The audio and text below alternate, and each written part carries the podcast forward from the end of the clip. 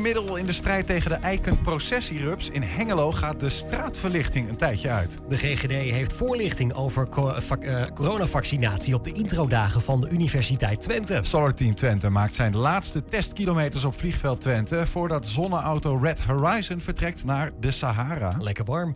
En de VVD in Hengelo heeft een nieuwe fractievoorzitter. Twintiger Onno Viechter, die stopt ermee. Eh twintiger Michel, Mitchell Boers, die neemt het over. Het is dinsdag 31 augustus. Dit is 1 Twente vandaag. 1 Twente. 1. 1 Twente vandaag.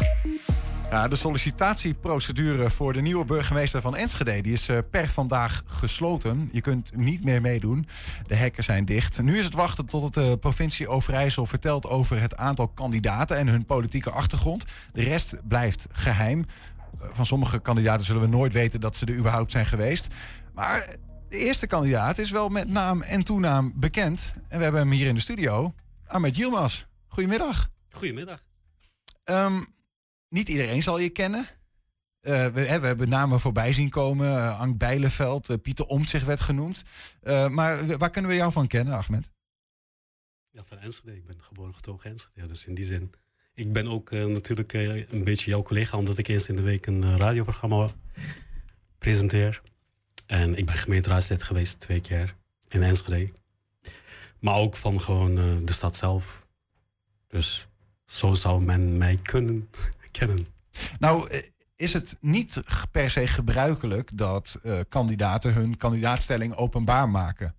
Jij hebt daar expliciet voor gekozen. Je hebt een soort van open brief gestuurd naar de pers van... hey, ik doe mee. Waarom? Ja, weet je, ik heb dus eh, als gemeenteraadslid me altijd afgevraagd hoe het nou kan zijn dat wij als gemeenteraadsleden toen de dus eh, verkozen wordt en directe verkiezingen zijn en de burgemeester niet. Terwijl de burgemeester wel het gezicht is van de gemeente en eigenlijk de hele bevolking vertegenwoordigt. Daar heb ik me altijd afgevraagd. Er zijn verschillende pogingen geweest in het verleden waarin gezegd werd we hebben een directe burgemeester nodig. Maar het is er steeds niet van gekomen en ik vind het gewoon vreemd en nog steeds op een of andere manier niet, niet uit te leggen in heel laten we zeggen, democratische wereld, eh, waarin in overgrote meerderheid burgemeesters worden verkozen in de, in de wereld, is Nederland een van de weinigen waar, waar dus de burgemeester via via verkozen wordt. En dat bedoel ik dus dan nu de, bur- de burgemeester via de gemeenteraad een, een soort van verkozen wordt. Terwijl ik zoiets heb van een burgemeester, waarin nu ook de profiel van de Enschedese burgemeester is verklaard door de, door, door de gemeenteraad van Enschede, dat, dat hij binding heeft, met- of zij, eh, eh, nou, laten we dat niet vergeten natuurlijk, het kan ook een vrouwelijke burgemeester worden. En dat zou ik zeker toejuichen. En blij mee zijn. Het, het gaat erom dat, dat dus niet de gemeenteraad die verkozen is, bepaalt wie Ja. de burgemeester wordt, maar de bevolking zelf. Ja, oké, maar de, de, de vraag was waarom, waarom doe je het in, het in de openbaarheid, je kandidaatstelling? Is dit dan de reden? Want dan voelt het voor mij alsof je je kandidaatstelling alleen maar doet alsof je, omdat je een boodschap hebt. Ja, nou, eh, tweeërlei. Natuurlijk wil ik het wel wil ik het worden, maar de boodschap is ook van ik wil dat, dat de burgemeester verkozen wordt. Eh, gewoon directe verkiezingen. Er is een wettelijke basis waarin je een referendum kunt organiseren. Dat is ehm, al beproefd bij een pa- paar gemeentes in het verleden. Eh, ehm, en daarin werd dus de keuze van de bevolking meegenomen in de keuze van de gemeenteraad. En ik zeg, wij kunnen uniek worden in Enschede door te zeggen van wij gaan gewoon direct die verkiezingen organiseren als referendum. Eh, en daaruit gaat blijken wie de burgemeester wordt en we gaan het respecteren. En daarmee geef je eigenlijk een signaal uit aan de hele wereld, in Nederland laten we het daarop houden dan, dat, je, dat, dat je de stem van de bevolking gewoon mee laat tellen. Je, hebt dat, eh, je meent dat ook echt zeg maar, zodanig dat... eh, Ik heb hier een, een, een, eh, een schrijver van jouw hand zeg maar, aan, aan de pers... waarin je een stukje citeert eigenlijk uit je sollicitatie. En daarin schrijf je... ehm, ik maak via deze weg bekend dat mijn sollicitatie enkel door de kiezer kan bekrachtigd worden. Als er geen democratische verkiezingen worden uitgeschreven, vind ik de democratische legitimiteit onvoldoende. Oftewel, stel nou dat ik niet gevraagd word, als mij niet gevraagd wordt als Enschedeer, eh moet Ahmed het worden of niet, dan ga je het überhaupt niet doen. Ja, je bedoelt het in spreekwoordelijke zin, dus als er geen verkiezingen of geen, Juist, als er, geen geen, referendum wordt. als er geen referendum wordt gehouden, dan word jij überhaupt geen burgemeester. Nee, dan wil ik het niet aannemen. Want dan, wordt, dan, dan is het dus niet bekrachtigd door de bevolking. En dan vind ik het dus. Ja. Waarom vind je, maar waarom vind je dat zo belangrijk? Want ik bedoel, je, de, de, ehm, de- een argument tegen de gekozen burgemeester zou kunnen zijn: een gekozen burgemeester is een gekleurde burgemeester. Dus dat betekent, die, die heeft al een politieke kleur. Ehm, en een burgemeester is op dit moment ook kleurloos, omdat hij een verbindende factor moet zijn in een stad. Ja, dat zet je dan in de ijskast, toch? Juist dan maak je het eigenlijk kleurrijk. Want op het moment dat je dus de bevolking laat kiezen. dan hebben de mensen direct vertrouwen uitgesproken. En dat vertrouwen moet je dan waarmaken. En als je dat waarmaakt, dan ben je niet verbonden aan een bepaalde politieke kleur. maar dan ben je verbonden aan de bevolking. En daar gaat het om. Ja, maar die bevolking die, die is natuurlijk eh, ver- verdeeld in zijn opvattingen. Dus die, dan kan bijvoorbeeld zijn eh, dat Enschede een burgemeester gaat kiezen die heel erg bij een politieke kleur eh, past. En die burgemeester gaat dan ook op basis van die kleur regeren, toch? soort van als burgemeester. Dat is tot nu toe altijd zo geweest. Maar ik vind dus dat daar wij een soort van. ehm, want eigenlijk is de, is de burgemeester. Als je kijkt puur naar, naar zijn rol, is die boven de partijen. Veelal wordt er dus wel gekeken van wie heeft de politieke ehm, overmacht, heel plat gezegd, in, in een bepaalde stad. En dan kiezen we voor een, een persoon die ook die politieke kleur heeft. Terwijl ik zoiets heb van als hij boven de partijen moet zijn, dan moet je dat niet benadrukken en dan moet je daar niet van uitgaan. Dan moet je juist zeggen van oké, weet je, we, we, kijk, het hoogste orgaan is, is de gemeenteraad van de gemeente, niet de burgemeester. De gemeenteraad is eigenlijk de baas van de gemeente. Burgemeester heeft te luisteren naar de, naar de gemeenteraad. Dus in die zin hoeft de, hoeft de burgemeester niet per se een bepaalde politieke kleur te hebben. In de zin van dat hij bij een politieke partij hoeft te horen. Het gaat erom dat je als burgemeester de bevolking vertegenwoordigt en de gemeenteraad, want hij is ook voorzitter van de, burg, van de gemeenteraad, voorzitter van het college van burgemeester en wethouders, enzovoort, enzovoort, enzovoort. Dus in die zin zou je zoveel meer kunnen bereiken als je dus de fiat, de legitimiteit van de bevolking hebt, dan wanneer je dat niet hebt. En dat is nu te weinig. Ja, Want vind ik bedoel, wel. laten we wel wezen, de gemeenteraad heeft wel een rol. Ze stellen de, eh, de profielschets op, maar uiteindelijk kiezen ze uit een shortlist. Hè, van, eh, de provincie doet de, de, de, de sollicitaties en die geeft eigenlijk een shortlist terug aan de gemeenteraad. En die bepaalt dan uiteindelijk welke burgemeester het wordt. Maar dat is niet genoeg wat jou betreft. Het moet echt op basis van referendum. Iedereen moet gevraagd worden. Ja, ik vind dat gewoon. Kijk, ik zat in de gemeenteraad tot 2018 en toen heb ik gemerkt dus dat er onder, onder de mensen, wij hadden een lage opkomst en zo, en toen daarna is het wat opgekrikt. zo. Als je bijvoorbeeld een, wil hebben dat mensen ook letterlijk gewoon vertrouwen, veel meer vertrouwen hebben in de lokale politiek, dan heb je ook veel meer dus naar de mensen te luisteren. En een van die aspecten is dus de burgemeester die dan verkozen wordt. En als je dat doet, heb ik het idee dat die verbindende factor veel sterker wordt. Want mijn doel is ook, als ik, als ik burgemeester word, ik hoop het, maar ik weet het natuurlijk niet, dat ik gewoon veel meer bij de mensen ben en veel minder, minder vergaderingen. Want dat is ook een van mijn doelen die ik ook verklaard heb. Het gaat er niet om dat we veel vergaderen, maar het gaat erom dat we veel doen voor deze gemeente, voor deze stad. Toch even eh, nog één stapje terug. Want, want je, je zet al een soort van, nou ja, ik wil ja, toch een soort van extra barrière van ik word alleen burgemeester als er, als er een eh, referendum is, eh, eigenlijk zeg je. Eh, dat is een boodschap die je meegeeft. Nou, je zegt ook van, nou, ik zou in ieder geval dit willen veranderen. Eh, maar je noemt net ook al van, als het een vrouw zou worden, ehm, zou, ik ook, zou ik dat op zich ook toejuichen. Hoe serieus is jouw deelname echt? Zou je het, is, is, het, is het serieus of heb je, heb je een politieke boodschap te vertellen? Vooral. Mijn politieke boodschap is dat ik nu met deze sollicitatie en mijn persverklaring heb gezegd: ik wil dat het opengegooid wordt, dat er een referendum wordt georganiseerd en dat de kandidaten zich daar dan kunnen presenteren, waardoor de bevolking zegt van ja, die wil ik hebben, die wil ik hebben of die wil ik hebben. Mhm. Dat is dan volledig open. Het is een openbare functie, dus dan moet het ook in de openbaarheid, vind ik. Als de gemeenteraad in volle openbaarheid wordt verkozen en daar altijd van die gesprekken en debatten worden georganiseerd, waarom niet met de burgemeester? Want hij is, of zij is uiteindelijk de, het gezicht van de gemeente. Mhm. En dan heb, heeft, de, heeft de bevolking toch daar zeggenschap in. Laten we naar, je, naar, je, naar, naar de inhoud. Stel, je wordt het. Er, er komt, eh, de gemeenteraad zegt, nou, het is een goed idee van Ahmed. eh, we gaan een referendum uitschrijven. En de Enschede'ers zeggen, Ahmed Yilmaz wordt onze nieuwe burgemeester. En de gemeenteraad respecteert dat, die kiest jou.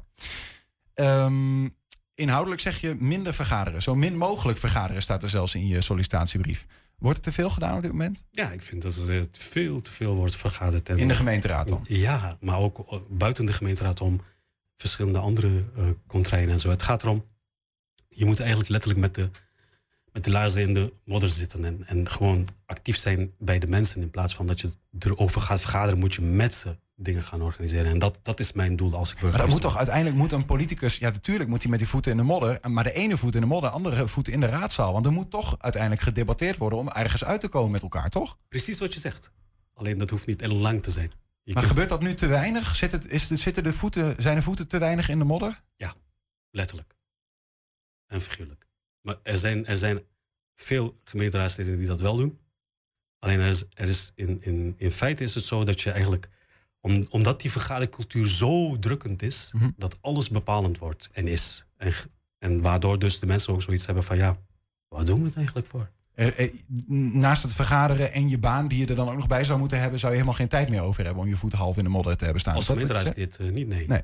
Maar de burgemeester is dan fulltime natuurlijk. En meer dan fulltime eigenlijk. Bij wijze van.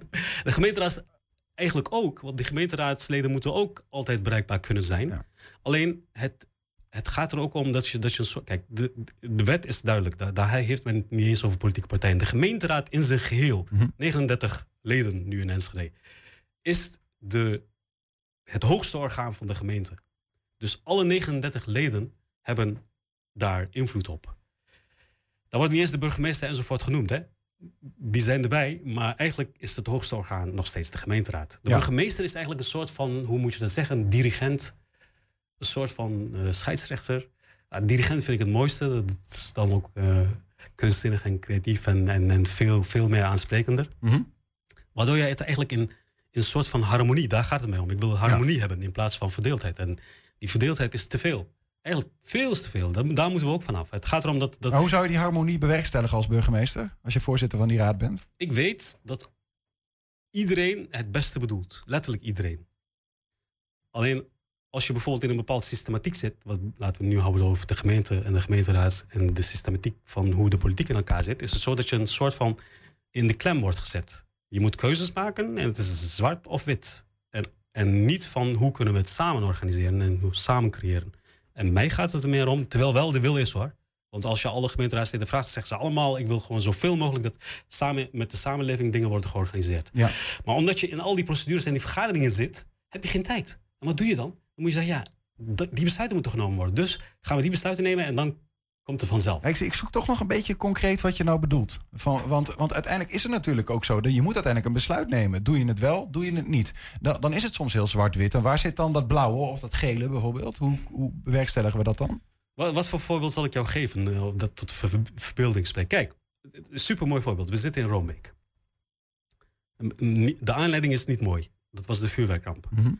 Na de vuurwerkramp is er, is er een eh, hele mooie proces begonnen waarin de wijk met de mensen zelf die er gewoond en hebben en willen wonen, opnieuw is uitgevonden en gecreëerd. Letterlijk. Dit is zelfs in verschillende, ehm, op verschillende universiteiten wordt het zelfs gedoseerd van een uniek voorbeeld waarin een, een deel van, van de gemeente wordt waargemaakt met de bevolking. In plaats van door alleen maar bestuurders, ambtenaren enzovoort. Mhm. Dat lichtend voorbeeld, de aanleiding was niet mooi, maar wel het voorbeeld dat uiteindelijk is uitgekomen.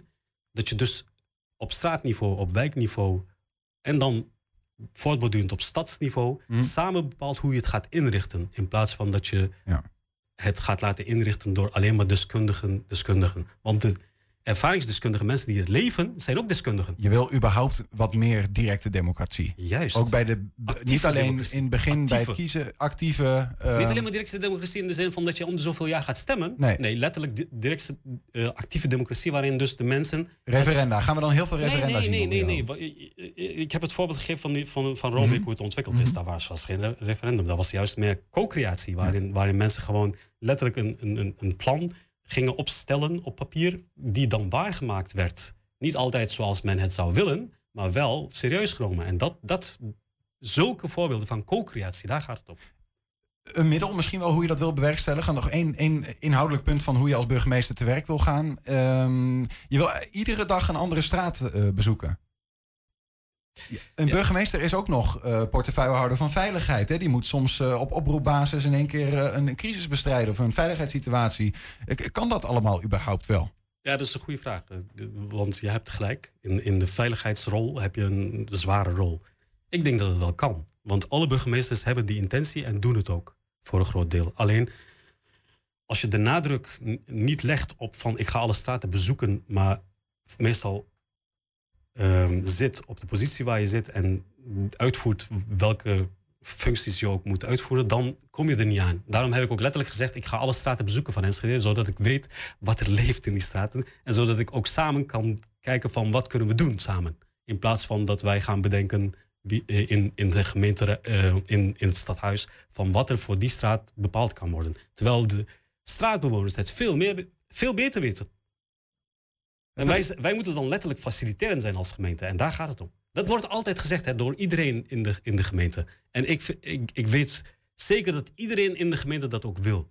Maar omdat wij een bepaald systeem hebben bedacht waar wij zelf niet meer uitkomen, dat er zoveel regels aan gebonden is, raken de mensen ook de, de feeling kwijt. En, en Als Ahmed. Yilmaz eh, burgemeester wordt, gaat hij dat in ieder geval openbreken. Dan ga je daar eh, je hart voor maken om eh, de stem van het volk meer eh, tot in de raadzaal binnen te laten dringen, om het zo maar te zeggen.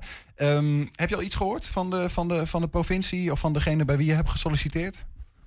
alleen bevestiging dat de sollicitatie is aangekomen natuurlijk. En de procedure is ook duidelijk. Het wordt nu, vandaag was het gesloten. Mhm, Tot, tot, tot vandaag kon je dus solliciteren. mhm. Nu wordt er gekeken wie heeft er allemaal gesolliciteerd en eh, wie eh nodigen we uit. Ja. En En even in alle eerlijkheid, Ahmed, denk ik dat je een kans maakt? Natuurlijk maak ik kans. Iedereen maakt kans die eh, kandidaat is. En hoeveel procent weet ik natuurlijk niet, dat weet je niet. En als je niet wordt? Even goede vrienden. Het gaat erom, weet je wat, e- een van de aanleidingen was, mijn, mijn vader en moeder zijn hier textielarbeiders geweest, wat Enschede groot heeft gemaakt. En Enschede is eigenlijk een soort van migrantenstad, zowel van Nederland, vanuit alle windstreken van Nederland, maar ook van alle windstreken van de wereld.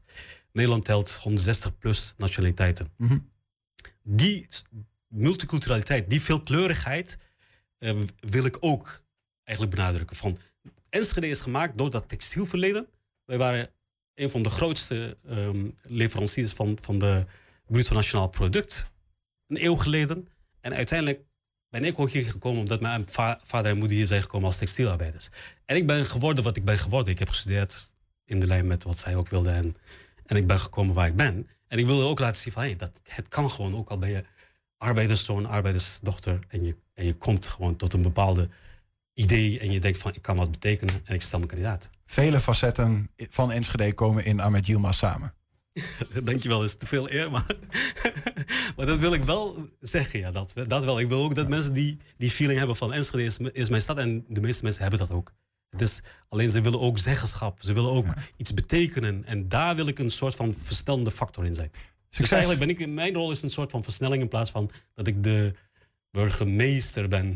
dat is maar een naam. Succes met je kandidatuur voor het burgemeesterschap. Ahmed Yilmaz, en dank voor je verhaal hier. Dankjewel. Zometeen een nieuw middel in de strijd tegen de eikenprocessierups. En het is niet Atti. afgelopen met het gedonder. In Hengelo gaat namelijk de straatverlichting uit. Ja, we zijn ook als eh, podcast te luisteren. Hè, dus wil je dit gesprek van net nou terug horen, die kan- staat er bijvoorbeeld op. Eh, hele uitzendingen vind je op alle bekende platforms. En van elke uitzending één item uitgelicht. 120. 120 vandaag. Bij de introductieweek op de Universiteit Twente geeft de GGD deze week vaccinatievoorlichting. Studenten die vragen hebben over vaccineren kunnen terecht bij een speciale kraam op het universiteitsterrein.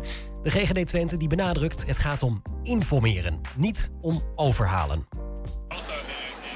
We staan hier eh, tijdens de introductiedag van, eh, van de universiteit met een eh, voorlichtingsteam van de GGD. En wij geven voorlichting over, over vaccineren. Wij merken dat vooral jongeren nog niet geprikt zijn. Dus wij willen hun de mogelijkheid bieden eh, als ze vragen hebben of dingen zijn onduidelijk. eh, waar kunnen ze terecht? Nou, dan kunnen ze hier terecht bij deze informatiestand. En daarnaast hebben we natuurlijk ook eh, veel buitenlandse studenten. En die hebben ook vragen over waar ze met name gevaccineerd kunnen worden. Nou, we hebben ook dit visitekaartje. Daar staat even heel simpel op waar kan ik me laten vaccineren zonder afspraak, met een QR-code, met openingstijden, locaties, etc. Wat is dan jullie belangrijkste doel om toch mensen nog weer over te halen de prik te nemen? Nee, het is echt informeren. Want iedereen is vrij natuurlijk om uh, uh, te kiezen of ze wel of geen vaccin mogen. En daarom staat het hier ook uh, heel mooi op, op de banner. Gewoon informeren, niet overhalen.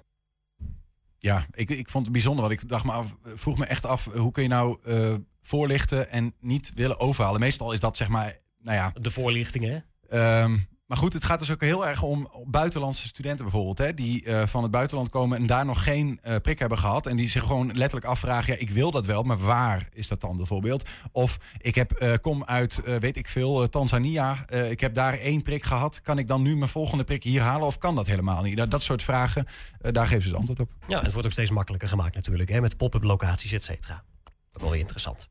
Goed, dan op twee plekken in Hengelo, waar de afgelopen jaren sprake was van veel jeukrupsen overlast, gaat de gemeente de straatverlichting s'nachts uitschakelen. De reden, nou, die eikenprocessierups die ontpopt zich in de zomer tot vlinder. En wanneer die nachtvlinder in de maand september weer eitjes gaat leggen, doet ze dat bij voorkeur in de buurt van kunstlicht. Aan de telefoon is gemeenteambtenaar Ralf Terbeek, die het idee in Hengelo introduceerde. Ralf, goedemiddag. Goedemiddag.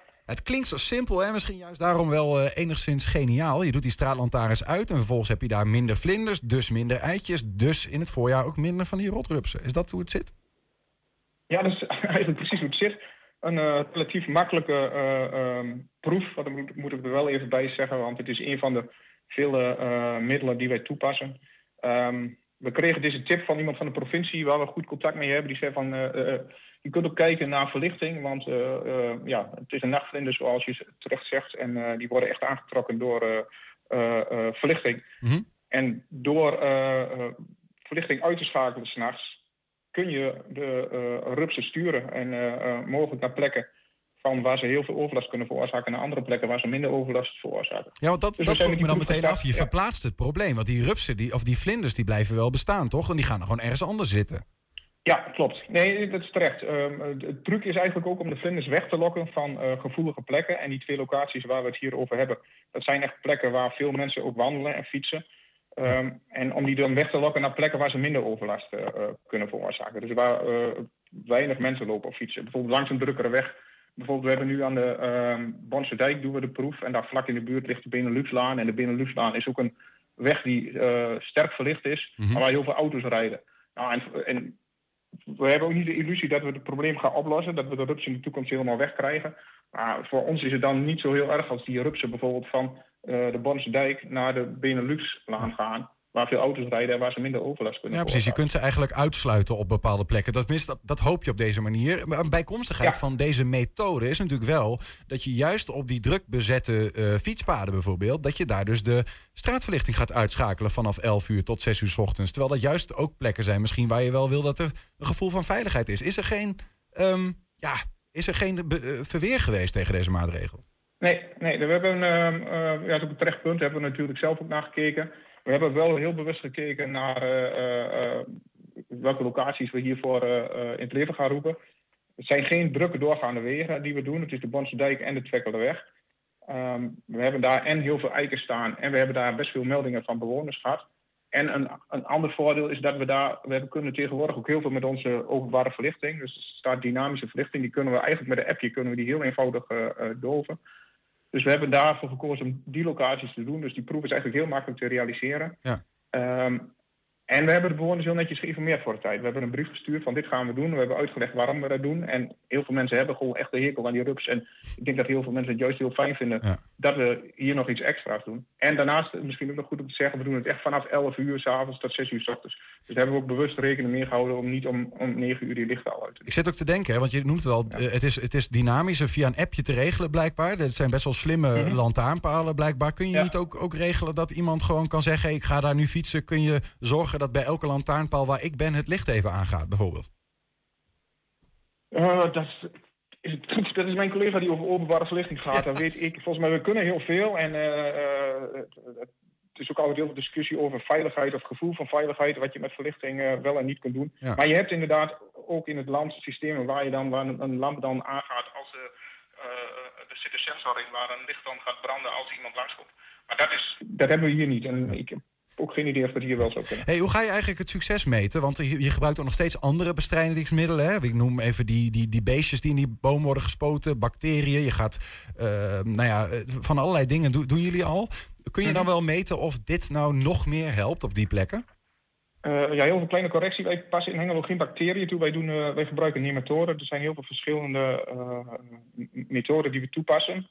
inderdaad, het voorjaar gebruiken wij die aaltjes, die nematoden, en bezuigen ze weg. En we zetten ook echt heel sterk in, dat vind ik ook heel veel goed om te noemen, op het versterken van de biodiversiteit. Mm maar het, het, is, het is geen wetenschappelijke proef. We gaan, volgend jaar gaan we kijken in deze straten om te kijken en te hopen of de overlast minder is. We registreren ook altijd het aantal meldingen van bewoners. Ja. Maar uh, we hebben afgelopen jaar bijvoorbeeld ook gezien dat als er iets heel belangrijk is uh, voor de rups, en dan is het wel het weer. We hebben afgelopen jaar een heel paar hele warme, da warme dagen in maart gehad. Toen is de rups uitgekomen.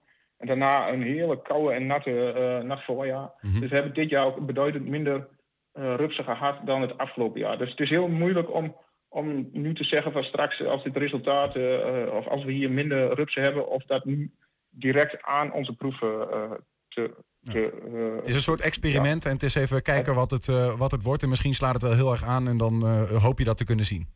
Ja, we doen tig dingen en dit is een, een, juist een extra iets met verlichting dat we ook als middel kunnen gebruiken en uh, ja, alle kleine beetjes helpen. Duidelijk. Kunnen Hengeloers zelf eigenlijk nog dit, van dit fenomeen uh, uh, leren? Als in, ja, als ik zelf een eikenboom in mijn tuin heb staan en dat ik dan bijvoorbeeld eventjes de verlichting deze maand uit moet laten? Ja, zeker, zeker. De rupsen die vliegen nu in augustus, september en dan leggen ze de eitjes en, en elke, elk vrouwtjes, vlinder bedoel ik, elke vrouwtje legt ongeveer 300 eitjes. Er komen volgend jaar dus weer 300 jonge rupsjes uit.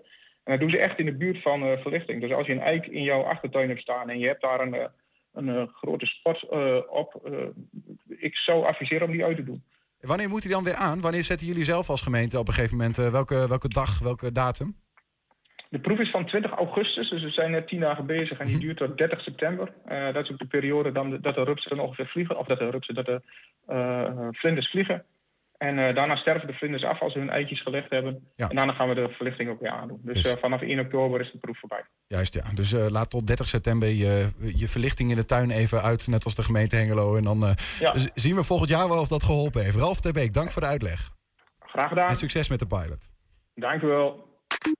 Goed, zometeen. De VVD in Hengelo heeft een nieuwe fractievoorzitter. Twintiger Onno Viechter die stopt. En twintiger Mitchell Boers die neemt het over. Goed, en geen World Solar Challenge in Australië dit jaar, maar wel een bijzonder alternatief. Nog twee weken en dan vertrekt een eerste delegatie van Solar Team Twente met een Red Horizon naar Marokko. Daar rijdt de zonneauto eind oktober 2500 bloedstollende kilometers in een wedstrijd door de Sahara. Wij waren vandaag bij de laatste testkilometers, maar dan op Twents testgebied. Het zijn de allerlaatste tests hier op het vlakke vliegveld voordat Solar Team Twente afreist naar de Sahara voor de zonneautowedstrijd van dit jaar, de Moroccan Solar Challenge. Wat uh, zijn jullie allemaal aan het doen vandaag? Nou, we zijn hier eigenlijk voornamelijk een beetje heen en weer aan het rijden, maar dat is uh, vooral bedoeld om op verschillende snelheden een beetje te kijken van ja, hoe werkt onze zonneauto nou eigenlijk, hoeveel stroom verbruikt hij op bepaalde snelheden. En dat wordt dan weer gebruikt voor de strategie voor Marokko. Hoeveel stroom gebruikt hij op bepaalde snelheden om te kijken hoe je zo efficiënt mogelijk kunt rijden in Marokko? Ja, uiteindelijk is het wel de bedoeling inderdaad om zo efficiënt mogelijk te rijden. Uh, maar je wilt gewoon ook natuurlijk zo hard mogelijk rijden. Uh, dus je wilt wel weten hoeveel je verbruikt op een bepaalde snelheid. Uh, want stel je accu is bijna leeg, dan ga je natuurlijk niet heel hard rijden. Maar je wilt wel zo snel mogelijk nog kunnen rijden om toch zo snel mogelijk bij die finish te komen. In Marokko ga je 2500 kilometer rijden, hè? Ja, klopt. Maar daar is het iets minder vlak dan hier. Nogal, ja. ja. Kun je dat wel goed testen? Dat is wel een grote uitdaging natuurlijk. Uh, we hebben voorheen niet veel gereden op uh, veel heuvels of zo. Australië is eigenlijk wel een beetje zo, heel erg plat. Uh, maar in Marokko zullen we dus meer heuvels en bergen hebben. we zijn nog van plan om naar een soort wielerheuvel te gaan in Drenthe. om toch die motor meer te testen. Eh, maar we hebben ook op kantoor een soort uh, motortestbank waarin we de motor dus in kunnen zetten en dan eigenlijk verschillende parameters kunnen simuleren, zeg maar. Dus dan is het net alsof je wel echt in de bergen rijdt, maar dan uh, bij ons op kantoor. Maar is het dan in Marokko uiteindelijk toch nog een beetje zo van ja, op zijn Twents kieken wat wordt? Wel een beetje, maar je probeert natuurlijk zoveel mogelijk al wel echt uh, voor te bereiden op die heuvels. En dat kunnen we nu dus wel met de uh, ja, materialen die we hebben. Uh, maar uiteindelijk is het toch voor het eerst dat we die kant op gaan. Dus wordt het toch wel een beetje kieken wat het wordt, ja. Hoe voelt dat? Ja, top. Het is prachtig weer. En ja, dan is het uh, nog mooier om met je eigen auto te kunnen rijden. Vooral op zulke hoge snelheid is het toch wel echt heel erg vet ook wel. Ja, want hoe hoog is die snelheid op zijn snelst? Uh, we hebben hem uh, tot nu toe ongeveer op 130, 135 ongeveer getest. En, maar het hangt totaal van je configuratie af. Je kan een snellere motor maken die minder efficiënt is. Um, maar ja, dat is dus de, de, snelheid waarmee we ook met de race gaan, kunnen gaan rijden, zeg maar. Het zou aanvankelijk gewoon in Australië zijn dit jaar. De World Solar Challenge, zoals we hem kennen. Ja. Nou, corona ging niet door. En toen?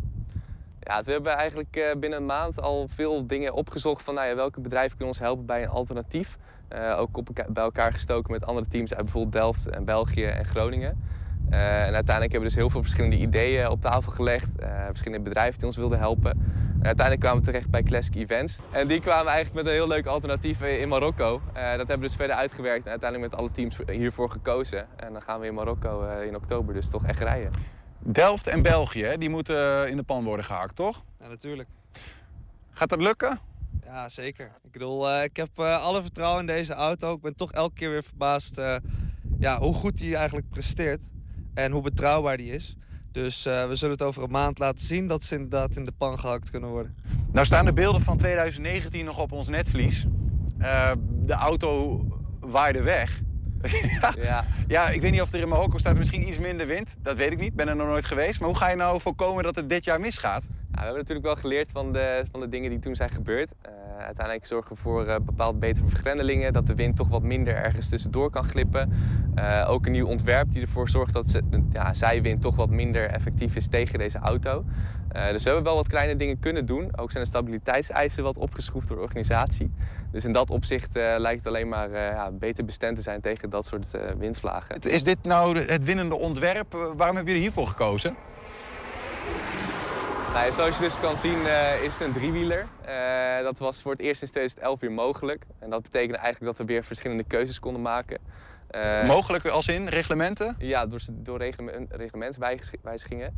uiteindelijk kozen we dus echt voor een driewieler, driewieler te gebruiken. Omdat het toch wel een stuk efficiënter is. Door, nou ja, je mist gewoon een wiel. Dat is wat betreft rolweerstand, maar ook vooral aerodynamische weerstand... gewoon veel gunstiger om met driewielen te rijden.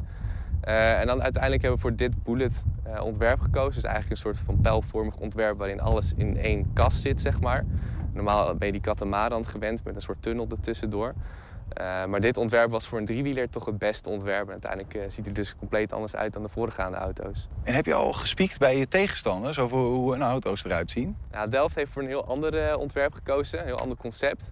dat was bij ons ook in december wel een ideetje natuurlijk. Uh, maar uiteindelijk zijn we toch voor deze gegaan, omdat we dachten dat deze stabieler was en uh, toch ook wat uh, ja, betrouwbaarder. Stel nou, Mark, hè? je wint in oktober, eind oktober, je wint deze race. Is dat dan ook niet gewoon een soort van coronadiploma? Als in, ja, telt deze nou eigenlijk wel? Want het is geen World Solar Challenge. Nee, klopt. Nou ja, als we toch kunnen winnen van Delft en van, van België... dan is dat voor ons wel een soort World Solar Challenge. Want dat zijn uiteindelijk toch onze grootste concurrenten. Uh, maar ik denk met name doordat we een jaar hebben gehad met zoveel tegenslagen en onzekerheid, dat het echt een ongelooflijke uh, uh, gebeurtenis zou zijn als we zouden winnen. Maar ook als we daar überhaupt aan de start staan, is het al, ja, al fantastisch. Ja, want je had verwacht dat je niks meer kon. Nee, een paar maanden terug dachten we inderdaad dat we niks meer konden doen. Maar nu nog even Delft en België in de pan. Ja, precies. Dat is het volgende doel. Ja. Heb je ze wel eens? Zo van, hé, wij komen eraan? We hebben tot nu toe wel vooral contact gehad over de organisatie van de race. Dus nog niet heel erg concurrerend. Maar dat gaat uh, in Marokko heel anders zijn, ja. ja. Iets anders nog. Er zou uh, dit jaar ook een European Sword Challenge zijn. Die gaat ook nog steeds door. Maar ja. daar zou die, normaal zou jullie daar ook aan meedoen. Maar je kunt niet beide doen, toch? Nee, klopt. Dus door de afgelasting van de, de, race in Australië heeft de organisatie van de European Solar Challenge besloten om een, uh, nog een keer een editie te doen dit jaar. Uh, normaal zou die pas volgend jaar weer zijn. Dus toen dachten wij, nou dat is mooi voor ons als backup. Stel we kunnen niet naar een andere race, dan gaan we daarheen. maar nu hebben we dus wel een alternatief. En dan gaat het vorige team met Red E van 2019 daar rijden om toch revanche te nemen op nou ja, op de Belgen. Het vorige team is nog eventjes uit stal gegaan om... Die, die zijn echt weggeplukt van, van hun werk, van de universiteiten waar ze nu studeren. Dan hebben ze toch weer Red I helemaal opgepimpt om klaar te maken voor weer een Europees kampioenschap. Ben je dan gewoon lekker aan het cruisen of gebeurt er ook nog, doe je nog wat in die auto aan tests of wat dan ook? nou ja, in principe is dit een, een pure parametrisatie voor onze strategist. Uh, dus vandaag is niet de meest intensieve dag voor de coureur. Dus ik kan inderdaad nu een beetje relaxen tussendoor. Uh, natuurlijk moet je wel opletten of je gekke dingen hoort of dat je uh, ja, andere dingen ergens op moet opletten. Maar over het algemeen, ja, het rechtdoor rijden, vooral op hele lage snelheid, is niet zo heel intensief. Dus dan kan ik wel even wat muziek opzetten. Zeg. Staat er nog iets in het, wat is het, in het uh, Marokkaans of zo op die auto aan de zijkant? Ja, in het Arabisch. Wat staat er nou? Uh, good luck staat er volgens mij. Dat heeft ons uh, mediateam een mooie finishing touch aan de, ja, het, het, spuitwerk van de auto gegeven. Wij hebben wel intern in het team wat andere dingen dat het kan betekenen, maar het betekent daadwerkelijk good luck in het Arabisch. ah, good luck. Ja, dankjewel. Het ziet wel impro improvisant uit daar zo allemaal, Niels. Het is uh, sowieso een mooie omgeving, dat Twente Airport. Ik reed er vandaag toevallig nog langs, naast, langs al die jumbo's. Ja, ik ja, ook. Die, die vliegende dingen, heerlijk. Goed, straks. Wat doen Kees Swinkels en zijn wielrennende vrienden uit Hoorn al tien jaar lang elke zomer in Twente? En heb je een tip voor de redactie? Laat het ons even weten. info.120.nl 120. 1. 120 vandaag. De fractievoorzitter van de VVD in Hengelo, Onno Viechter, die heeft besloten om niet door te gaan voor een nieuwe termijn in de Hengeloze gemeenteraad. Gisteravond werd zijn opvolger bekend. Voordat we het daarover gaan hebben, blikken we eerst even terug eh, met het vertrekkende raadslid. Onno, welkom. Ja, een fractievoorzitter die ermee stopt, dat uh, gebeurt vaker. Uh, maar jij bent zelf nog maar 28. Uh, ja, en als je de, op je 28 al bij de oude lullen hoort van de raad, dan is het wel uh, tijd om een keer om, om plek te maken voor nieuwe, frisse gezichten. Ja, maar dat is niet zo, toch? Is dat zo? Voelt dat ah, al een beetje bent, zo? Ja, je als je er acht jaar zit en eigenlijk al wat langer, je bent ook al commissielid en um, op andere manieren ondersteunend geweest, dan, ja, dan begin je wel een beetje onderdeel te worden van het interieur. En dan, nou ja, je hebt eigenlijk ook gewoon steeds weer frisse ideeën nodig hè, om wat van die politiek te maken. En als je merkt dat dat eigenlijk minder wordt, dan, nou, dan is het gewoon, vind ik, voor mezelf in ieder geval tijd om het stokje over te geven. Mhm. uh, en ja, als je, als je dat bij jezelf realiseert en je weet gewoon dat er een partij is waarbij gewoon meer dan genoeg mensen zijn die op de lijst willen, gewoon goede, ja, die, ik laat geen leegte achter of zo. Er staat gewoon echt een uh, goede club mensen. Dus dan kan ik het ook wel tevreden achter me laten. Ja, ja. Je, je, je, je zit al acht jaar in de Hengeloze Raad. Ja. Uh, vanaf 2017 fractievoorzitter. Toen studeerde je nog. Ja, bestuurskunde. Toen uh, nog in, zat het nog in Enschede, inmiddels vijf naar Deventer. Dus ja, ik, werd, ik werd fractievoorzitter inderdaad toen ik... heb je toen wel eens gedacht, waar begin ik aan? Heb je, heb je wel eens gedacht van, oeh, dit, wordt dit niet too much? Want het is best wel een beladen taak. Mm, Nee, ja, het is ook gewoon een hobby, hè? Uh, het raadswerk. Uh, je hebt allemaal bestuurders, burgemeesters, wethouders. Die, voor hun is gewoon een fulltime baan. Mm Maar voor de raadsleden is het gewoon, gewoon een hobby erbij. Ja, ik hoor ook wel eens raadsleden die zeggen... ja, weet je, ze zeggen het is part-time... maar je bent er toch uiteindelijk best wel heel erg ja, je bent, wel, je bent wel elke avond ermee bezig. Maar ja, goed, als je, als je bij een voetbalvereniging zit... of een, een andere hobby hebt, dan ben je daar ook gewoon heel veel mee bezig. Maar dan, het levert meer energie op dan dat het, uh, dan dat het kost. En dat geldt voor de een bij voetbal en voor mij bij gemeentepolitiek. Dus... Um, ja, ik heb het altijd met heel veel plezier gedaan. Dus dan, dan voelt het ook niet zo als parttime werk, zeg maar. Het voelt wel als hobby. Wat steek je er nou van op? Want het is, het is geen geheim dat, uh, nou ja, dat raden in gemeentes op zoek zijn naar goede mensen. Uh, er komt weer een uh, gemeenteraadsverkiezingen komen er weer aan. Als je nou reclame zou moeten maken voor, voor, voor dat ambt. Uh, wat steek je ervan op? Wat, wat, haal, je er, wat haal je eruit? Ja, zorg sowieso, hè, als je een partij kiest, zorg dat je een beetje qua sfeer ook bij die partij past. Hè. Het is, um, uh, er zijn partijen, hè, daar is het vooral heel saai vergaderen. Nou, er zijn ook partijen, daar is nog wel eens gezellig met een borrel en hè, goed voor je netwerk. Dat is de VVD. Dat is de VVD. Dat verbaast ja, me niks dat, op een of andere manier. Dat is echt een perfecte borrelpartij.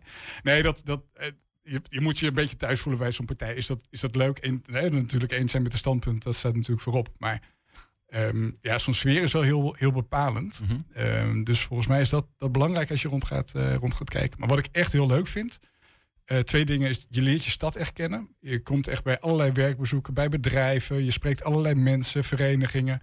Echt ontzettend veel. Dus je leert echt je stad kennen. Um, en wat ja, het allermooiste is natuurlijk als je af en toe eens even een succesje haalt in de raad. En daar, daar haal je echt je energie uit. Dus eh, zorg ook voor als je de politiek in wil, weet wat je wil. En dan, eh, dan kun je ook ergens naartoe werken. Even, eh, daar ben ik zo wel benieuwd naar wat, wat dan jouw succes is geweest. Als je daarop terugkijkt op die jaren. Maar ehm, je bent ook nee, uiteindelijk toch nog steeds jong, ook als raadslid. Ehm, is dat ook niet ingewikkeld? Want ik bedoel, uiteindelijk, het is best wel soms ook ambtelijk, toch? Soort van, is het niet ingewikkeld om als zo'n jong mens in zo'n raad te zitten met allemaal ingewikkelde instituten en dossiers en dingen? Het is, eh, het is wel complex. En je merkt ook wel dat gemeentepolitiek wordt ook wel complex, ook door regionale samenwerking en zo. Ehm, maar volgens mij heeft, hebben gemeenteraden juist mensen nodig die niet zo complex denken. Die gewoon eens even de simpele oplossing op tafel leggen. Die gewoon het geluid uit de straat horen en dat komen vertellen. volgens mij heb je dat nodig. Dus het is complex. Je moet het wel snappen, maar je moet ook niet, je moet niet zelf een onderdeel gaan worden van die ambtelijke molen. Want dan, ja, wat, wat heb je dan in je stad nog te bieden? Juist die frisse blik van de, van de hobbyist is fijn, zeg Precies, maar. Van de Hengeloer zelf. Waar ben je meest trots op als je terugkijkt? Ja, uh, twee dingen toch wel. Um, en één is al de. In mijn eerste periode zaten we in de oppositie. Dat is dat we in Engelo voor elkaar hebben gekregen om de koopzondag helemaal toe te staan. We hadden eerst zo'n vreselijk systeem dat je. Nou ja, je mocht maar uh, twaalf keer per jaar of zo. En dan werd het ook nog door de gemeente volgens mij bepaald wie dan. Wanneer open mocht. En dan mochten ook nog niet eens alle supermarkten tegelijk open. Nou, ik vond het echt drama. Ik vind als je een eigen zaak hebt, dan mag je zelf gaan over je openingstijden. Mm en met heel veel gedoe en nou ja, ook niet altijd heel mooi is dat gegaan. Maar wel bereikt dat nu gewoon, als je een eigen winkel hebt in Hengelo, mag je gewoon zelf weten wanneer je winkel open is. Dus dat inhoudelijk. Uh, ja, verder voor de VVD. Eh, Hengelo was altijd natuurlijk rooms-rood. Dat was altijd de vraag, wordt het CDA de grootst of wordt, het PV, of wordt de PvdA het grootst? En gaan ze weer samen met GroenLinks? Dus ja, deze periode voor het eerst weer sinds mijn geboorte toegetreden tot een, uh, tot een college. Dus daar ben ik ook wel trots op uh, als VVD in Hengelo om dat voor elkaar Dat voel je dan ook wel echt als onder, ja, dat ja, team effort. ja, precies. Ja, ja. ja. ja daar, sta je toch voor de lat. Vorige keer ben ik lijsttrekker geweest. Nou, dan ben je ook onderhandelaar. Um, goede verkiezingsuitslag gehaald. Maar ja, alleen met zetels ben je nog niet. Daar, daar komt nog meer bij kijken. Uh, en volgens mij hebben we dat gewoon uh, goed gedaan. Ge hebben zowel in het college weer gekomen als ook echt een VVD-verhaal erin. Je noemde al even, eh, een raadslid moet wat jou betreft ook iemand zijn die gewoon, ja, misschien wel helemaal niet zo heel erg ambtelijk is of wat dan ook, maar van, van de zijlijn, uh, nou ja, zijn frisse blik geeft. Hoe zit het met een fractievoorzitter? Wat maakt een fractievoorzitter nou echt goed? Ja, echt weten waar je naartoe wilt. En wat, wat zijn nou je, je speerpunten? Daar, uh, hè, daar ook aan vast blijven houden. En tegelijkertijd, zeker in het versplinterde politieke landschap wat we tegenwoordig hebben, moet je ook wel echt verbindende kwaliteit hebben. Dus zorg dat je mensen bij elkaar kunt houden. Zorg dat je uh, je fractie, maar zeker ook, nou, VVD is de grootste partij in Engelo. Zorg ook dat de coalitie bij, me, bij elkaar blijft, dat je daarmee op één lijn zit. Um, dat zijn echt wel uh, ja, belangrijke zaken die erbij komen als fractievoorzitter. En heeft Mitchell Boers die kwaliteiten? Zeker heeft Mitchell Boers die kwaliteiten, ja. Ik stel die vraag ook omdat uh, Mitchell Boers jou natuurlijk per direct eigenlijk opvolgt. Als fractievoorzitter van de VVD. Hij gaat ook als lijsttrekker de verkiezingen in uh, van de VVD. Volgens mij, ja, daar gaan de leden over. Dus dat komt uh, later nog een keer. Maar hij neemt in ieder geval het fractievoorzitterschap over. We hebben hem aan de telefoon. Mitchell, goedemiddag. Goedemiddag. De ene twintiger vertrekt en de andere twintiger die staat eigenlijk al klaar om het gezicht van de VVD Hengelo te worden. Is dat toeval of zijn de oudjes niet goed genoeg? Oh, de oudjes zijn uh, absoluut wel goed genoeg hoor. Nee, kijk, um, um, ik, Onno en ik lopen al een uh, tijdje mee uh, bij de VVD. Ik dacht dat we zelfs in hetzelfde jaar lid zijn geworden van de partij. En um, ja, ik, ik heb voordat, voordat ik ook echt in de raad kwam, het is mijn eerste termijn in de raad, toen liep ik al een tijdje mee met, met, met de partij, ook op bestuurlijk niveau, om, om te kijken met, met leden vooral bezig te zijn. Mm -hmm. Maar je houdt de politiek natuurlijk wel een beetje uh, in de gaten. Dus wat dat betreft uh, is het niet zozeer, uh, nou, hè, wat sommigen misschien denken, oh, hier is een jongeling die er niks van weet. We lopen al wel allebei al een hele tijd mee. En dat is ook de ervaring die ik dan ook wel meeneem. Voelt het ook als een eer om, het, om de opvolger te worden van Onno? Oh, dat doet het zeker. Nee, kijk, Onno, um, um, Onno die heeft natuurlijk de afgelopen acht jaar, nou, als hij straks in maart de raad uitgaat, heeft hij natuurlijk acht jaar heel veel gedaan. Um, voor Hengelo, ook namens de partij. Uh, waaronder vier jaar lang als uh, fractievoorzitter. Uh, ja, en de successen die Onno heeft behaald, die jullie net ook al hebben benoemd, dat is natuurlijk allemaal aan hem toe te schrijven. Ik bedoel, als VVD hebben we lang aan de zijkant gestaan en ik denk ook wat mede, mede door wat Onno voor, voor de VVD heeft gedaan de afgelopen jaren, dat we ook nu in het college zijn gekomen. Dat we ook daadwerkelijk stappen hebben kunnen zetten om eh, van Hengelo weer wat moois te maken. Dus eh, het wordt wel grote schoenen om te vullen. Die kun je in zak steken in ieder geval. Eh, als, als, want hij zit hier natuurlijk nog steeds. Onno, als je nou eh, je opvolger Mitchell Boers een tip zou moeten geven die je zelf mogelijk, ja, die je zelf had willen krijgen vier jaar geleden, wat zou je dan Oh, zeggen? die ik zelf had willen krijgen. Dit zijn, de verrassende vragen. Nou, ik zou in de eerste plaats willen zeggen, blijf vooral je, jezelf. Hè? En wat ik ook zeg, zorg dat je niet meegetrokken wordt in zo'n ambtelijke molen. Mhm. Eh, blijf gewoon echt dicht bij jezelf. Je weet zelf wie je bent. Je weet zelf uit welke omgeving je komt. En vanuit daar krijg je zo ontzettend veel informatie mee. En neem dat mee om, om de stad beter te maken. Ehm, dus die zou ik wel aan, eh aan Mitchell willen meegeven. Eh, en ik denk overigens dat hij dat fantastisch kan. Dus blijf wie je bent. Precies, ja. En, en dat is bijvoorbeeld in jouw geval Mitchell geschiedenisdocent. Toch? Ja, ja nee, ja, zeker. Ja, is dat, is dat goed te doen ook naast elkaar? Ja, kijk, het, het, het raadswerk is eh, iets wat je voornamelijk in de avonduren doet. Ehm, dat, eh, dat, ehm, dat is voornamelijk, eh, nou ja, wat bijvoorbeeld een, eh, typische week is, eh, nou ja, maandag. eh, ehm, maandag hebben we overdag eh, ben je natuurlijk bezig met je werk en dan s'avonds heb je een fractievergadering. Nou, dinsdag en woensdag om de week heb je ook weer vergadering in de avond. Uh, maar het is, het is voor jezelf, denk gewoon voor ogen houden, waar doe ik het voor? En het is ook natuurlijk wat Onno zegt, een stukje ook een beetje, ja, ehm, het is ook een hobby. Je moet het ook leuk vinden om te doen. En is het zwaar naast het werk? Ja, absoluut. Uh, het is flink pla uh, plannen, maar ik denk dat het, um, hetgene wat je voor ogen moet houden is waar doe je het voor en vind, doe ik het met plezier. Ja. En uh, als je dat goed voor ogen hebt, dan, dan is het heel goed te doen. Je hebt wel eens gezegd, Mitchell, ik ben, een schreeuw, ik ben geen schreeuw, ik ben een doener. Klopt dat? Ja, ja. Nee, ik ben altijd, ik ben vanuit huis uit uh, opgevoed met van nou, als je dingen wil veranderen, moet je, kan je of gaan schreeuwen aan de zijkant of je gaat het zelf doen. En uh, nou, toen, toen ben ik op redelijk jonge leeftijd, op mijn zeventiende, destijds ook lid geworden van uh, de VVD. Um, ook heel bewust met, met het idee van, nee, als, als ik wat wil gaan doen, dan moet ik het ook zelf gaan doen. En zelf die verantwoordelijkheid nemen. Mhm. Mm -hmm. En um, zo heb ik de afgelopen periode in de raad ook uh, proberen te handelen. Niet door alles in de media te gooien en uh, daarmee proberen te scoren. Maar ook veel op de achtergrond mee te denken. Veel met mensen in gesprek ja. te zijn. En uh, vanuit die hoek uh, iets bij te dragen aan de wat, stad. wat zijn dan wat jou betreft um, nou ja, gewoon hele belangrijke dossiers die je als eerste wil, wil oppakken als uh, nieuwe fractievoorzitter van de VVD? Ook een beetje in de aanloop naar de verkiezingen. Ik wil niet speculeren op lijsttrekkerschap, maar. Mm -hmm. Ja, nee ja, kijk, um, ik denk dat we de afgelopen, de afgelopen vier jaar wel, um, was VVD, uh, ook mede dankzij uh, de verdiensten van onze wethouder, hebben we heel veel zichtbare dingen weten te veranderen in de binnenstad. Um, binnenstad blijft een uh, hot item, uh, ook voor ons. Dus ik denk dat we in de binnenstad gewoon hebben nu, zijn we goed begonnen en daar moeten we ook uh, mee verder gaan. Uh, daarnaast denk ik dat het klimaat ook wel heel erg gaat spelen. Dat zie je voornamelijk uit de landelijke discussie, ook in, ook in wat we in de raad hebben met alle energiestrategieën die eraan zitten te komen. Dat het, dat het belangrijk is dat we wel voor ogen hebben van waar doen we het voor, maar dat we ook zorgen dat iedereen daarmee meekomt. Dat, dat, dat we niet als overheid gaan bepalen voor mensen hoe ze uh, hoe ze hun huis moeten inrichten, maar dat we daar met, met z'n allen aan gaan samenwerken. Ingewikkelde taak. Ingewikkelde taak. En uh, maar ja, dat, dat, is, dat is eigenlijk, dat zijn de punten waar ik zeg van nou, dan moet je vooral met elkaar in gesprek zijn en niet als politiek gaan drukken van dit willen we, maar echt gewoon hoe gaan we samen als samenleving daar nou verder. Mm -hmm. En uh, nou ja, dat zijn wel hot items die er aan zitten te komen. Onno Viechter, uh, nog in de studio. Uh, waar, waar, ga je zelf uh, je tanden inzetten? Nu dat je stopt als VVD-fractievoorzitter en denk dus ook als raadslid. Ja, ik, ik, blijf nog raadslid tot de gemeenteraadsverkiezingen. Ja, dus precies. Dan, dus tot die tijd, nou ja, mits ondersteunen nog waar, waar nodig is. Er komt best wel een hoop op je af als fractievoorzitter. Het is niet alleen maar het voorzitten van, van de fractievergaderingen en en de belangrijke debatten in de raad doen het.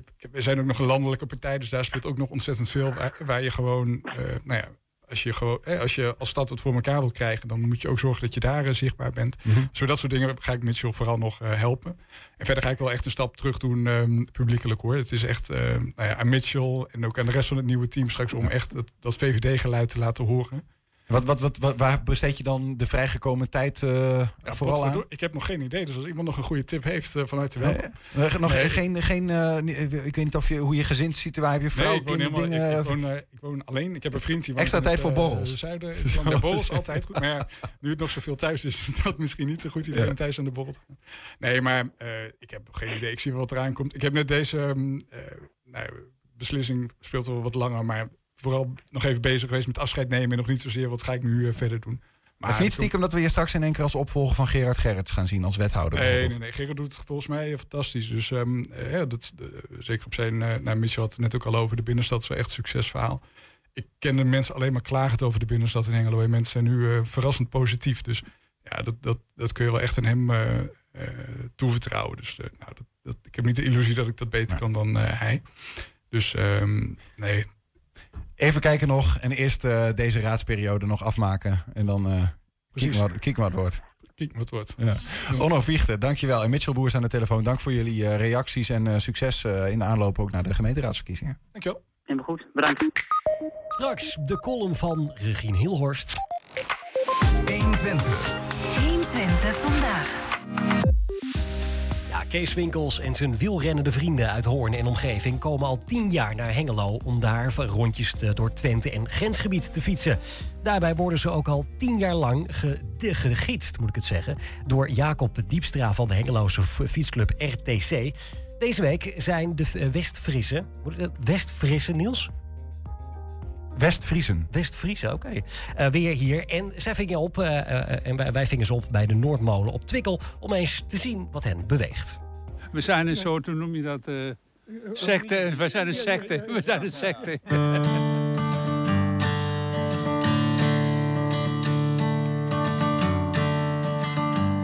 Het gaat nu richting Zenderen. Hier over Azelo en bij, bij het AZC langs en dan zo naar Zenderen toe. Richting uiteindelijk naar eh Weerselo. En dan achterlangs via de Tankenberg naar Oldenzaal. En daar pauzeren we even. Jullie, waar komen jullie vandaan? Horen. West-Friesland. West-Friesland. Ja. Uit Leemee, uit Andijk, Enkhuizen. Die eh Lutjebroek, die, eh, die komt te rijden. En jullie fietsen al jaren samen? Al jaren, ja. ja. We hebben het over Al sinds... 50 jaar, denk ik. Wij, wij rijden, nooit, no- we rijden twee keer per jaar met elkaar. Dus één keer drie dagen. En één keer een één dag rit. En dit zijn natuurlijk voor ons echte uitjes. We hebben overal al gefietst. We hebben bijvoorbeeld ook in de Ardennen gefietst.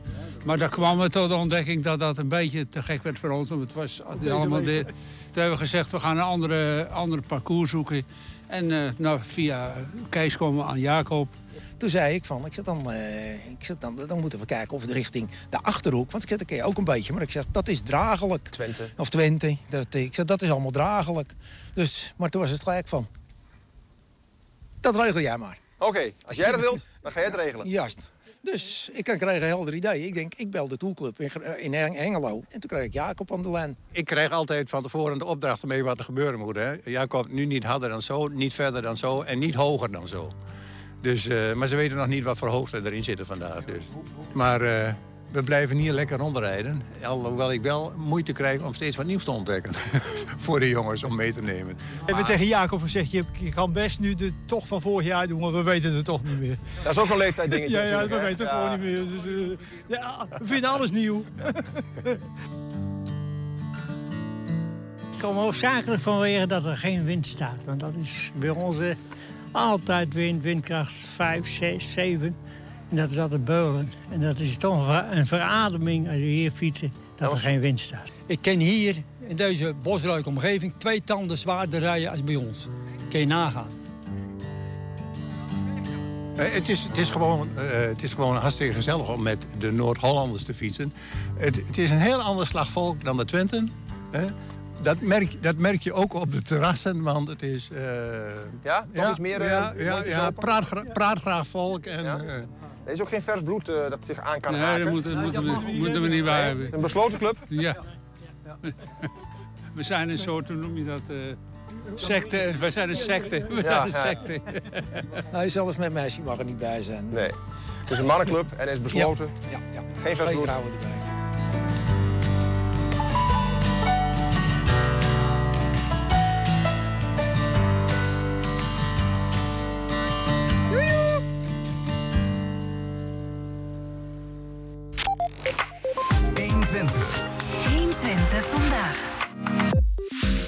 Aangekomen bij het eh, laatste, maar niet het least eh, onderdeel van eh, dit programma. Bij ons Regine Hilhorst. Regine, welkom. Hallo. Voor de column. En ik zie dat je allemaal... Ja, Ja. je hebt zoutjes meegenomen. Ja. Ik ben, je ben ontzettend benieuwd wat je weer uit de kast gaat halen. Ja, ik ook.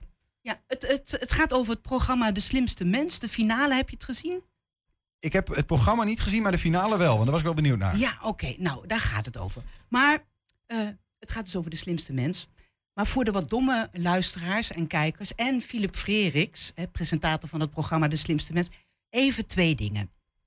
Eén. Ja, Philip, ik kom, net als Teach In, de winnaar van het Eurovisie Songfestival 1975, of all places uit Enschede. Ja. En dat zegt niets over mijn IQ, waarvan ik, net als slimste mens cabaretier Lisa Loep, echt niet ga zeggen hoe hoog die is.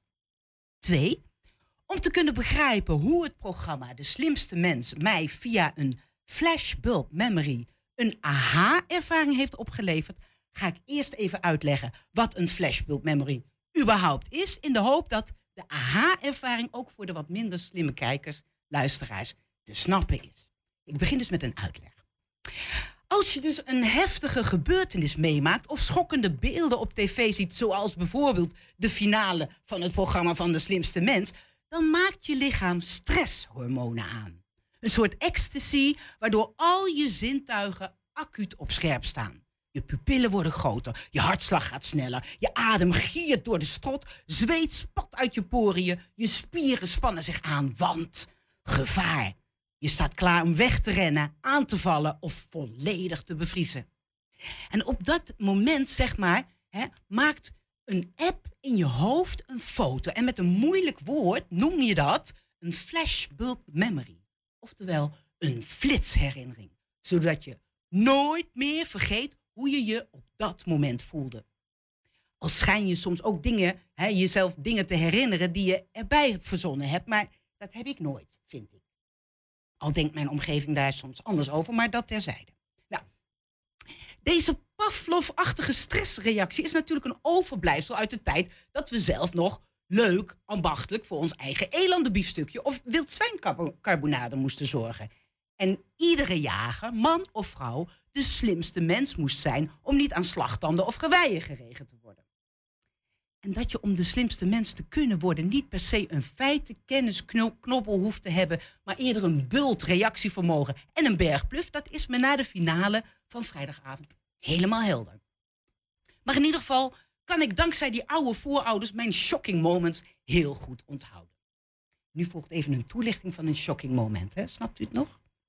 Zo weet ik bijvoorbeeld nog precies waar ik was tijdens de corona-persconferentie van 23 juni, waar bluffboy Rutte en zijn knecht De Jonge ons een hemelse zomer vol festivals beloofden.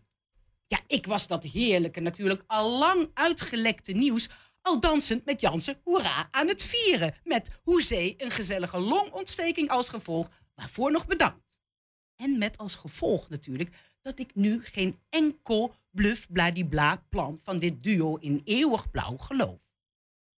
Kijk, bij de slimste mens draait het tot nu toe vooral om feiten, al snap ik daar ook de logica niet helemaal. Maar bij Rutte ontgaat me sowieso alle logica. Dit demissionair heerschap verwart namelijk heilige plicht met gebakken lucht en heeft geen benul welke flashbulb memory trauma's hij creëert met zijn valse hoopbeleid. Hij roept me wat. Want elke missie om mensen uit de stront te halen, denk aan de kindertoeslagaffaire, mislukt. En geen enkele belofte om bijvoorbeeld tolken en hun familie die voor de Nederlandse overheid hebben gewerkt op te halen uit een heel naar land wordt waargemaakt. Hij laat ze gewoon stikken. Is dat slim? Is dat gewiekst, doortrapt? Maar ook dit terzijde. In ieder geval ben ik sinds vorige week allergisch voor elke digitale lijst waar ik op sta. Je weet maar nooit wat er gebeurt als een of andere gek die in handen krijgt. Lijsten zijn eng. En ik heb dan ook besloten dat ik niet meer ga proberen om op de kandidatenlijst van de wintereditie van de slimste mens te komen, waar ik als OBN'er, onbekende Nederlander, bij voorbaat kansloos ben, omdat Caro en CFV besloten heeft dat alleen BN'ers en BN'ers in spe de slimste in Nederland kunnen worden. Ook al weten ze niet waar Spanje ligt, of weten ze helemaal niet wie Harry Banning is en waar hij, of all places, vandaan komt. Maar ook dit geheel terzijde. Waar was ik? Vrijdagavond, de slimste mens, finale. voor de wat tragere van begrip. Ik, ga, ik werk dus nu toe naar mijn aha-moment vanuit mijn flitsherinnering. Dus, ehm, eh, die dus, die je dus krijgt bij hele heftige gebeurtenissen. Dus, finale. Of all places keek ik thuis in Enschede naar de finale. En ik weet precies wat ik deed. Die vrijdagavond. En je denkt misschien, ja natuurlijk weet je dat nog, want dat is drie dagen geleden. Iedereen weet dat. Nee. Sinds mijn vaccinaties zijn mijn flashbulb memory momenten echt zo shocking, magisch verhelderend dat ik tijdens de slimste mensfinale een aha-flits kreeg die alles overzag. Wat gebeurde? Ik neem u mee. Schrijvende snorremans Joost Ooms was verslagen en lag al huilend in zijn stoel. Feministische blaaskaak Lisa Loep en nog veel ergere blaaskaak kaak Bram Oudouwes van Pauw, hoe heet het? Poont TV. Ze speelden de finale. De spanning was te snijden. De sfeer was onaangenaam. Slim Nederland of iedereen die niet naar de Voice Senior wilde kijken, keek mee.